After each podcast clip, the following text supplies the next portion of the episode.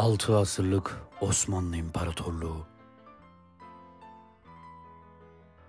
Çok ağır bir şekilde yenildiği Birinci Dünya Savaşı sonrasında ordusu özgüvenini yitirmiş, şartları çok çok ağır olan Mondros Ateşkes Antlaşması imzalanmıştı. 3 Kasım sabahı ihtiyatçıların üç meşhur büyüğü Talat, Enver ve Cemal Paşaların o gece yurdu terk ederek kaçıp gittikleri duyuldu. Türk ulusu yıllarca süren savaşlar sonunda yorgun ve yoksul düşmüştü. Ve bu dönemde işgal güçleri müteakere şartlarından aldıkları yetkilerle yurdun dört bir yanını işgale başladılar.'' Başsız kalmış milletin karanlık ve belirsizlik içinde olacakları beklemekten başka yapacak bir şeyi kalmamıştı. Ordunun adı vardı. Fakat kendisi yoktu.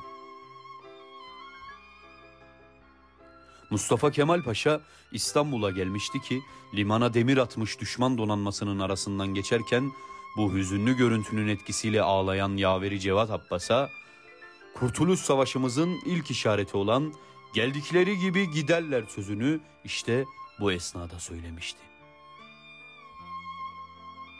İtilaf devletleri ateşkes antlaşmasının hükümlerine uymayı gerekli görmediği gibi asılsız mazeretler öne sürüp memleketi işgal etmeye devam ediyordu.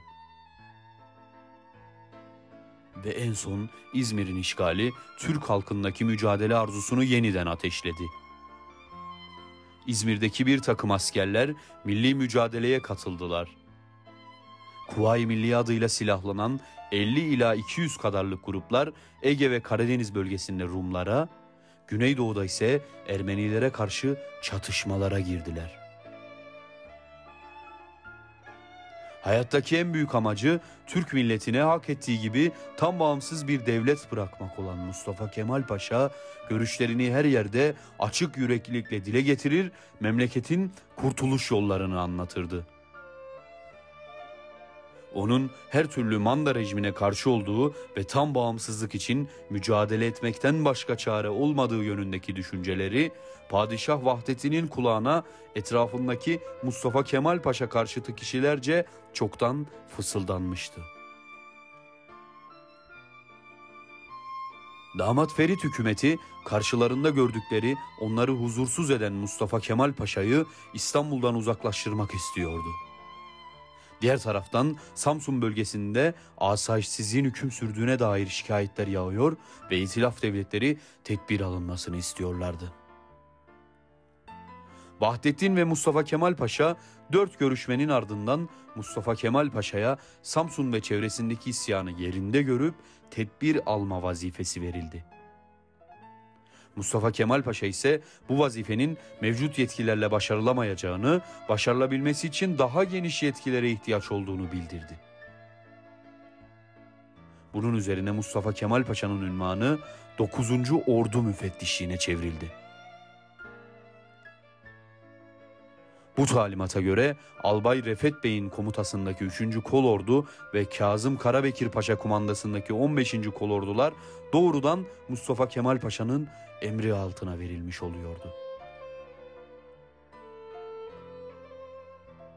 Mustafa Kemal her ne kadar Anadolu'ya işgal kuvvetlerinin işlerini kolaylaştırmak üzere gönderilse de o ya istiklal ya ölüm düşüncesiyle yola çıkmıştı. Ve Mustafa Kemal Paşa puslu bir havada Samsun'a çıktığında takvim yaprakları 19 Mayıs 1919'u gösteriyordu.